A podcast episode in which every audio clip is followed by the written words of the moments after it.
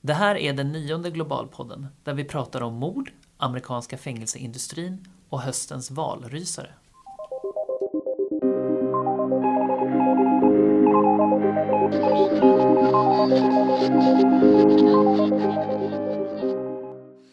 Hej och välkomna tillbaka till Arbetets globalpodd. Och nu är vi igång igen efter sommaren. Och vi som sitter här eh, heter Kim Nilsson, heter jag och är webbredaktör för Arbetet. Erik Larsson. Ja, Erik Larsson. Jag hängde inte med där riktigt. Eh, redaktör för Arbetet Global. Och Linda Flod, reporter på Arbetet Global. Ja. På Arbetet Global, ja. Eh, vi kommer i alla fall ihåg detta efter sommaren, det känns tryggt. Men då vill man ju naturligtvis veta, vad har ni gjort under sommaren, Erik och Linda? Eh, ja, jag har varit en eh, kort sväng till Kroatien och Montenegro. Och sen så har jag varit mycket i Sverige, hälsat på några kompisar i Göteborgstrakten och släktingar i Blekinge. Ja, ni vet den här obligatoriska rundan som så många andra eh, gör. Eller turnén, släktturnén kan man kanske säga. Sådär, så. Mm. Ja. Mm. Jag höll mig mest hemma för vi flyttade innan sommaren. Mm. Så jag ägnade semestern åt att fixa hemma och så. Men också en liten eh, bilresa mot Skåne och västkusten. Ni har upptäckt Sverige båda två kan man säga då? Lite grann. Ja, lite ja, ja. ja. Eller upptäckt och upptäckt, jag vet inte. Det, ja. det är bekanta områden. Det var lite områden. dåligt väder också så jag ja, precis. mest passerade förbi lite. Mm. Och du då? Nej men jag, jag höll mig faktiskt också på hemmaplan förvånansvärt mycket. Det var en liten sväng till eh, Dublin eh, en weekend sådär. Men annars så har jag faktiskt också hållit mig hemma och eh, då har ju inte direkt undgått att den så kallade sommartorkan, den har ju verkligen lyst med sin frånvaro på våra nyhetssidor. Eh, I Sverige då så har det ju inte minst varit en stor politisk turbulens kring eh, ja, IT-skandalen och Transportstyrelsen. Det var väl i slutet av juli där som det hettade till ordentligt kan man säga. Eh, men sen kan man ju också titta på att det har varit väldigt stort nyhetsflöde även i omvärlden. Spänningen mellan Nordkorea och USA har ökat. Ett flertal nya terrordåd har inträffat, bland annat nu senast i Barcelona och Åbo. Eh, och sen har ju nu, när vi var tillbaka här efter semestern, så har ju ni på Global tagit upp om ett eh, glömt krig mellan fack som pågår i Sydafrika. Eh, det var ju du som skrev den, Linda. Kan du berätta lite? Ja, det var ju före sommaren som jag var i Sydafrika och skrev några reportage. Och då, bland annat så åkte jag till Marikana, som är en liten by eller liten, liten, liten, men den är ja, ett samhälle som ligger 12 mil norr om Johannesburg, norra Sydafrika. Och för fem år sedan, det var årsdagen då, minnesdagen 16 augusti.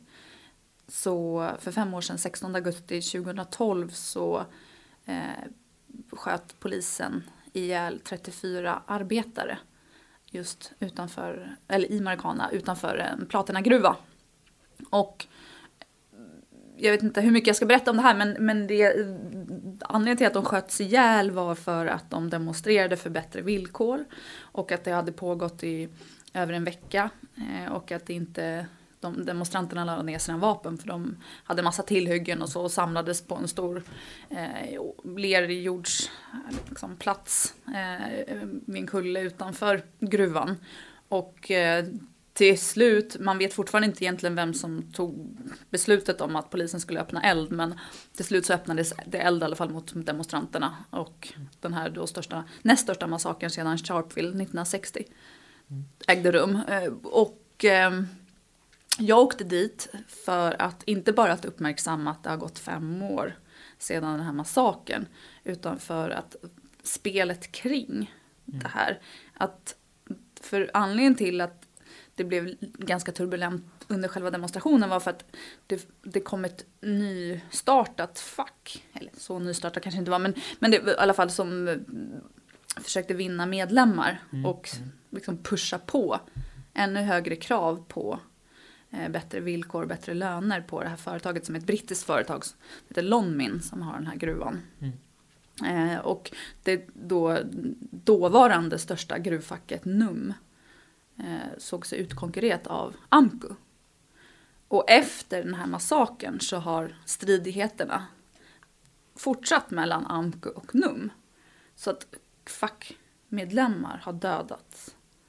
Eh, av liksom konkurrerande fackmedlemmar. Det låter ju helt bedrövligt. Ja, Ja. alltså, ett kalla krig kanske är lite överdrivet men det är i alla fall blodiga strider som har varit Mm. och att det senast, det har minskat år för år men det är ändå ytterligare eh, ett 20-tal Mm. då fackmedlemmar som har dödats av varandra. Mm. Så att säga. Och de, jag träffade också familjemedlemmar till mm, tidigare medlemmar inom NUM som har dödats. Mm. Och dessa familjemedlemmar som var anonyma i mitt reportage, Mm. de, eh, de har tvingats att gå med i då det här AMKU, nya Just det, de AMKU. har tvingats in. Ja, de har tvingats in i det här facket. Fack. Ja. Mm. Och det finns ju så många detaljer men, men och jag fick aldrig, aldrig en egen kommentar från AMKU. Trots att jag har sökt dem Mm. liksom, i flera månader.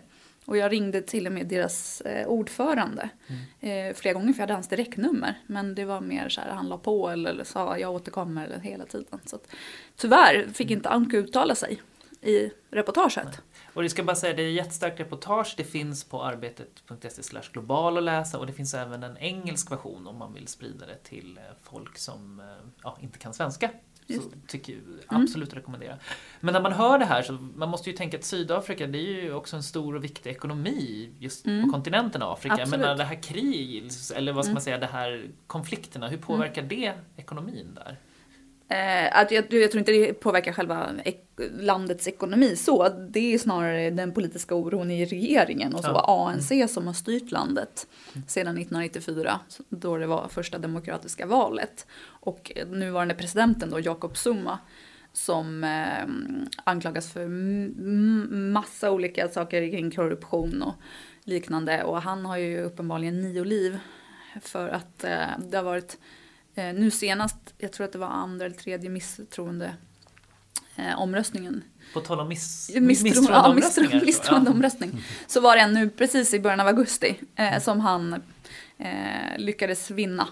Mm. Så att han är fortfarande kvar eh, vid makten. Och, eh, det, men ja, om det är någonting då som skulle kunna påverka landets ekonomi så är det just den politiska Politisk turbulensen. Liksom, på, ja. Mm. och, eh, men annars så är det ju väldigt, det är ju ett delat land, det är ju klyftor. Mm. Stora klyftor. Eh, mellan, fortfarande mellan vita och svarta. Mm. Och det är jättehög arbetslöshet. Den är uppe på 26 procent Mm. ungefär. Så det, är, och det är väldigt många också från grannländer, eh, migranter från Zimbabwe som kommer dit och försöker få jobb eh, för dagen och så. Klara sig. Mm. Ja, nej, det låter ju verkligen som att det finns all anledning att fortsätta att bevaka Sydafrika. Absolut, Mm. jättespännande. Mm. Men eh, det är ju inte det enda då vi kommer, som Global kommer syssla med i hösten. Vad, vad är det mer som händer? Erik? Ja, det är en massa olika saker som är på gång men ehm, vi håller precis på att rulla ut en artikel idag faktiskt med en ehm, FNs rapportör för mänskliga rättigheter i Iran som jag träffade förra veckan. Hon heter Asma Jahangir. Och hon var i Sverige på någon sorts snabbesök, här. Delvis för att träffa den iranska eh, människorättsorganisationer och de många iranier som finns här. Det är ett sätt för FN-observatörer att samla in material om olika saker. Men eh, hon träffade också Sveriges utrikesminister Margot Wallström. Och för fackföreningsrör, fackföreningsrörelsens del så är det väldigt intressant liksom att komma i kontakt med de här FN-rapportörerna eftersom eh, de skriver ju rapporter som går vidare upp till FN och då vill man ha in de kränkningar som finns eh, mot fackliga rättigheter. I Iran så är det är förbjudet med fria fackföreningar men ändå så håller bussförare, sjuksköterskor och lärare på att organisera protester mot olika förändringar av, som gör, görs på arbetsmarknaden. Men de här förändringarna besvar, får oftast ett väldigt brutalt svar. Misshandel, mord, tortyr. Det är vanligt. Iran är för övrigt ett av de länderna som avrättar flest personer i hela världen. Så det, det, är, det är väldigt hårt att organisera sig. Så, så det är en artikel som vi har på gång på, på engelska. Sen... eh, Och på svenska. Ska vi, och på svenska, ska vi naturligtvis. På, det är ju framförallt på svenska skulle Ja. jag säga. Sådär. Men, men eh, sen den här veckan så kommer vi också att eh, lägga ut ett reportage om arbetsmiljön i amerikanska fängelser. Och det- är skrivet av frilansjournalisten eh, Martin Brusewitz och eh, har gjorts också av fotografen Mattias Lundblad. som har eh, tittat lite närmare på sambandet mellan arbetsmiljö och den väldigt lukrativa fängelseindustrin som finns i, i Jag tänkte USA. precis säga, det är väl inte... Det måste ju verkligen finnas underlag.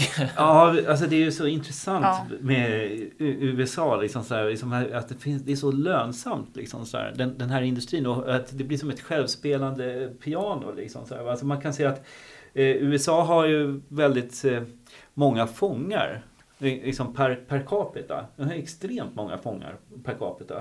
Eh, det sitter ungefär 2,3 miljoner människor inlåsta i USA. Och om man skulle liksom jämföra med andra länder så är Eh, 666 personer per 100 000 invånare är inlåsta i USA. I Sverige är motsvarande siffra 55. Och det finns en business bakom det här. Liksom det, det, det, är, det är företag som tjänar pengar på det. När Obama-administrationen, när de avgick så pratade man liksom om att man skulle begränsa privata fängelser, in- införa sådana begränsningar. Eh, Trump, eh, Don, när Donald Trump vann valet så kom han med ett annat besked. Och, och det är lite systematiskt liksom att de två stora företag då som verkar inom branschen, deras aktier de höjs bara, höjdes bara på någon månad med över 100 procent. Alltså, det var marknadens värderingar. Men, eh, jag, Ser ni Orange, Orange is the new black? Ja, Ja, lite de, de driver ju med det hela. Det är ju Ja. privat fängelse och så. Ja, just Eh, det, just det. Blir, och för varje säsong tycker jag blir mer och mer, och mer så här bra komiskt, liksom hur man, ja, Ja, jag har inte sett de, kring. Mm. de senaste säsongerna faktiskt. Men eh, det är väldigt eh, tydligt liksom vad Ja, som... man kan göra industri på allt Ja. liksom, i USA. Ja, och fångarna där, alltså de eh, jobbar ju till slavlöner. Alltså man, jobb- många jobbar ju, alltså det är produktionsenheter också på vissa sätt. Mm. Eh, men, men det är en sån grej som är, är på gång liksom Mm. omedelbart. Och En Ja. annan grej är eh, Filippinerna. Det har varit några mord på journalister i Filippinerna. Mm. Och finns ju all anledning att liksom följa eh, Dutertes krig mot droger och vad, hur det påverkar mänskliga rättigheter och Mm. sådär. Och sen så har det också under sommaren varit en blodig sommar i eller- det har varit en blodig sommar i Colombia i år, tyvärr. Sex eh, fackliga aktivister har mördats. Eh, Fyra inom lärarfacket och två inom jordbrukssektorn. Och det kommer vi snart att titta lite närmare på. Mm. Och eh, en annan sån här grej som är på gång just nu, alltså de- den här veckan eller de närmaste veckorna, det är den här medborgarrättsrörelsen i Hongkong. Mm. Vad händer det? det? Det ska vi försöka få någon form av grepp över. Sådär.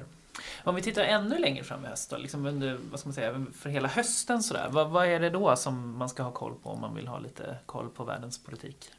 Ja, alltså politiskt sett så eh, det är ganska många val. Det, det känns som att det har varit många Mm. val Ja, överlag. det har det. liksom. Mm. Och val är ju viktiga liksom, för det påverkar arbetsmarknad och liksom relationer mellan länder och så vidare. Och i Norge, vi börjar med Norge då, så är det val den 11 september. ja, det är ju rätt snart det faktiskt. Ja. Ja, det är verkligen det. Usch, man börjar nu på hösten, det går så snabbt liksom. Så här, va? Mm. Men eh, 11 september, det, där har ju man spottat Arbeiderpartiet, alltså Socialdemokraterna i Norge, att de skulle vinna. Det verkar solklart så. Liksom, så här, I nio månader har opinionsundersökning på opinionsundersökning sagt Socialdemokraterna kommer att vinna. Liksom, så? Mm. Men nu har valkampanjen dragit igång och senaste undersökningen tyder på att eh, det blir Höjre och Framskrittspartiet som kan sitta kvar. Och det Mm. betyder då att Erna Solberg som sitter idag vid makten, att hon kan få sitta kvar då. Liksom så. Mm. Och eh, det är ju lite oväntat för väldigt många politiska bedömare. Så här. Sen har vi ju Tyskland också. Det är, Just det. det. är ju ett jätteviktigt land. Både Norge och Tyskland är de två största exportländerna för Mm. Sverige. Vilket är ju rätt intressant. Så. Eh, och där är det val den 24 september. Där det ser ut som att Angela Merkel, eh, Kristdemokraternas Angela Merkel kommer att få fortsätta med makten. SPD går inte alls så starkt som man eh, Det är trodde. so- Social- tyska ja. socialdemokraterna. Ja, ursäkta Mm, mig. mm. Ursäkta mig. Men låg inte de väldigt bra till ett tag när de bytte, de bytte ju partiledare till Hans Schultz? Ja. Ja, just det, just då det. fick de väl en liten... Jo, men eh, väldigt bra tror jag man nog inte har kunnat säga. Men, Nej. men, men, men det, alltså det, det, ser inte, det, har varit en del sjabbel under våren fast, faktiskt. inom. Bland annat när eh, manifestet för valrörelsen skulle presenteras så det var flera kommunikationsmissar. Mm, Liksom. mm. Den, det var olika besked när det skulle släppas, vad som skulle stå i det och så vidare. och Så vidare. Så det, det har varit en del förvirring liksom, kring det. Men sen, det är andra val. Nu vill jag Ja. prata om andra saker. Prata om det du. Nej, men, ja. Ja, ni, ni får stoppa mig om ni kan. Ja, liksom. Ja. Eh, Men, men eh, Katalonien, Mm. de har ju en det. självständighetsomröstning den 1 oktober. Och sen så i november. Och det de- kan ju vara intressant att se nu också om, jag ska på ett seminarium nästa vecka just om, det, eh, om Katalonien, men, men just om det ha, kan ha någon påverkan nu eh, efter terrorattacken i Barcelona. Jag tänker mer liksom, man har ju vägrat ens prata med varandra. Mm. Ja, det har varit väldigt infekterat. där. Ja, Madrid och Mm. Barcelona. Nej, det var Alltså, väl så att polisen kommunicerade Mm. på katalanska, var det inte så? Eller inte?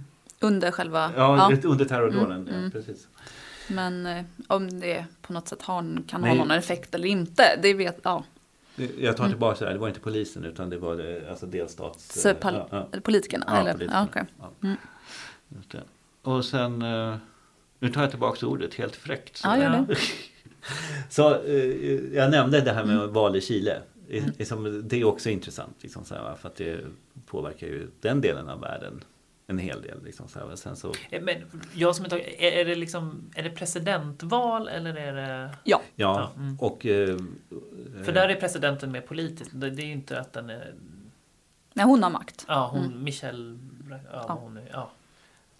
Eh, och eh, sen så pratar vi om Brexit-förhandlingarna också. Sådär. Alltså det, det kommer upp under hösten här. Mm. Och eh, under hösten så är det också omförhandlingar av NAFTA-avtalet. Och jag har jag läste en intressant artikel om en strategi som både Donald Trump och amerikanska facket har. Är att få upp eh, lönen för mexikanska arbetare. Det var en artikel i Financial Times som jag läste som vi borde titta lite närmare på faktiskt. Mm. Och då är tanken liksom om man får upp lönen för mexikanska arbetare då blir det inte lika lönsamt för amerikanska företag att lägga eh, ut produktionen Mhm. Mm. till Mexiko. Men eh, jag vet inte så mycket om det. Det, det var bara någonting som glimtade förbi sådär. Mm. Mm. Men då är vi lite inne här på arbetsmarknad då. Har, har du koll Linda lite på vad som händer i höst? Ja, eh, eller jag ska följa upp. Det är två långvariga, eller det är säkert fler, men två långvariga strejker som vi har skrivit om. I Peru så har eh, lärare strejkat i över två månader. Mm. Så det verkar som att eh, vissa, alltså sista årseleverna på gymnasiet kan behöva gå om skolåret i vissa Jaha, regioner och så. ja, mm. För att de har missat så pass stort. Eftersom de har ju vinter nu. Alltså Mm, de har ju. Mm. eller ja jag vet inte, men deras, ja, de har i alla fall inte haft sommarlov när strejken har varit. Mm. Eh, och sen så är det i eh, Kenya också. Där har sjuksköterskor eh, strejkat. Läkare också? Eller? Ja, läkare, men de har strejkat omgångar. Eh, Mm. Nu verkar det vara sjuksköterskor. Jag tror läkare var i, i våras, alltså vintern. Aha. Men de har gjort det i flera omgångar, läkare. Men nu är det sjuksköterskor då som har strejkat också i två månader Mm. drygt. Eh, för ett kollektivavtal som egentligen har, som har antagits av parterna men som sen inte har undertecknats formellt. Mhm. Mm. Som måste undertecknas av tydligen alla landets guvernörer i någon slags guvernörsråd. Och eftersom Kenya hade val nyligen också, Ja. som var oroligt. Mm. ehm, så verkar det som att de här platserna, man vet inte när det kommer tillsättas. Och, så strejken fort, fortgår. Mm. Så jag ska följa upp dem och se vad som händer. Mm. Eh, och sen så, eh, ja, eh, på, på webben har vi uppmärksammat också två fackföreningsledare i Vitryssland som en varav en hålls häktad. Han togs i början av augusti men de riskerar uppemot sju års fängelse. Mm. Men Båda två, bara för- Nej men anklagelsen är väl för att de ehm, Det verkar som att vitryska staten då har gått hårt åt eh, fria fackföreningar nu under sommaren.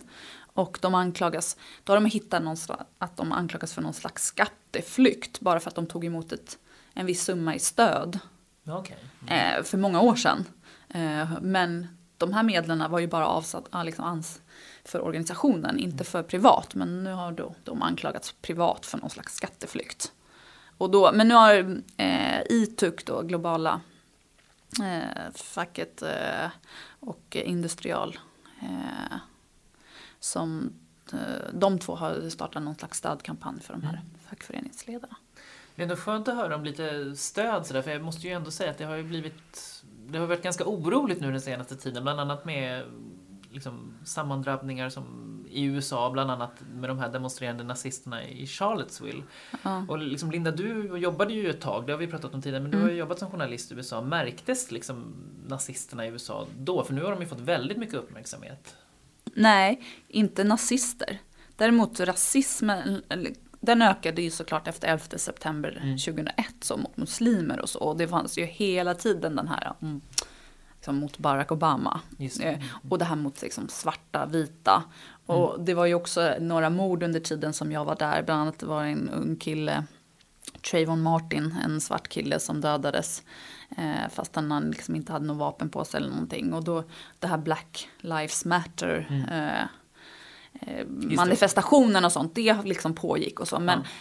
nazister, nej, inte så som det verkar vara nu. Eh, eller också höll det sig liksom bortanför min radar. Mm. Och, och nu har det ju verkligen liksom hettat till vad det gäller det här sydstatsflaggan, debatten och statyer Mm, eh, som ska såg bort och så. Och, ja.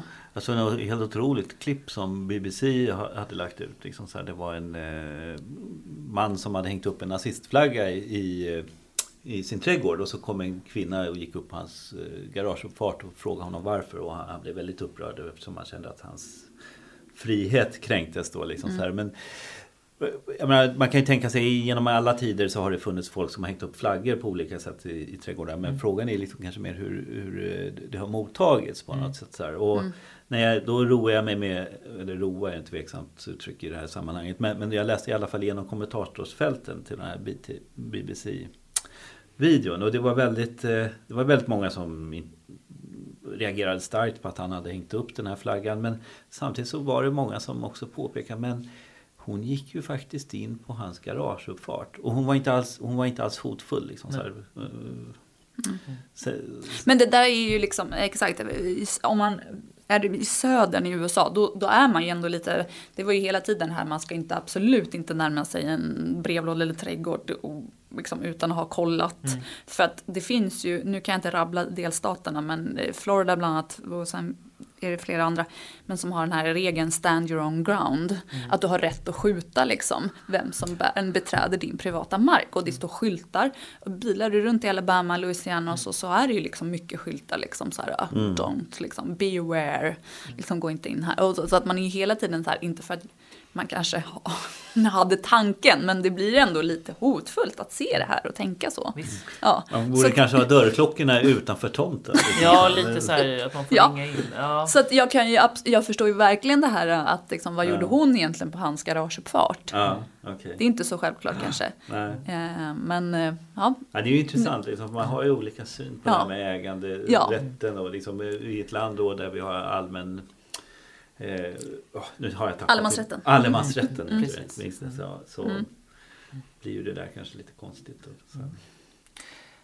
Men eh, om, vi, om vi bara kort går vidare. Du är ju också på väg till Bryssel. ja det är jag. Hektiskt. Eh, ja, ett par dagar bara. Eh, och jag har bokat in många, många, eller många, men sex intervjuer har jag i alla fall på plats. Men jag tänkte prata, försöka träffa globala eh, arbetsgivarorganisationer, bland annat Business Europe och Mm. eh, också för offentligt anställda. CEP. Och sen är det också de, flera stora globala fack som finns i, med sina huvudkontor där nere i Bryssel. Mm. Så det kommer sen också. Mm. Lite bara, eh, men mer liksom hur framtidens utmaningar för arbetsmarknaden inom dessa, om, alltså Mm. deras respektive områden. Och eh, hur man ska liksom, ta hand om eller de problem som finns nu idag med migration etc. i Europa. Men det vill vi bara, Mm. nu kommer vi fram till det. Vi har sparat det bästa till sist. Det har vi. Eh, Okej. Det bästa som Ja. händer i höst. Ja. Det vet ni väl vad det är? Ja, Ja, jag har bokat in en resa. Ja, ja det är ju delvis det. Ni ska ju resa till det var den Göteborg. där. Precis. Ja, nej men ni har ju bokat en resa också, till, eh, ja. till Göteborg. För ni kommer ju att finnas på Bokmässan i år. Ja, det är sant. Berätta lite Erik, vad, vad gör ni där? Ja, jo, men eh, tid, vår tidning Arbetet har ju haft en eh, monter på Bokmässan under flera år. Och eh, även i år så har vi en monter där. B0349 heter den. Kom ihåg det.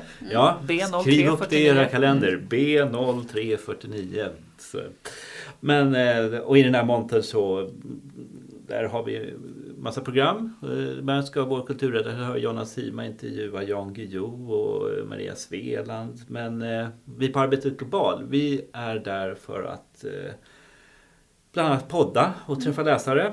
Och vi ska podda om eh, pressfrihet med en eh, rysk journalist som heter Michel Sygar. Som han, han har skrivit en bok som heter Männen i Kreml. Som handlar om ja, maktspelet i den ryska politiska eliten och de metoder som Vladimir Putin har använt för att egentligen ta full kontroll över politiken, ekonomin och medierna i landet. Det, det ska bli intressant att höra vad han har att säga om det. Liksom. det ska, Mm.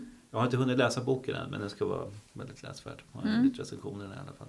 Och så tänkte vi podda om eh, ett ämne som vi har haft eh, uppe flera gånger. Men just eh, ja, den som syr din tröja som du har på dig. Vad, Mm. vad tjänar hon, hen? Ja, Mm. troligtvis är det en hon. Mm. Men och vad händer då när de har mens också?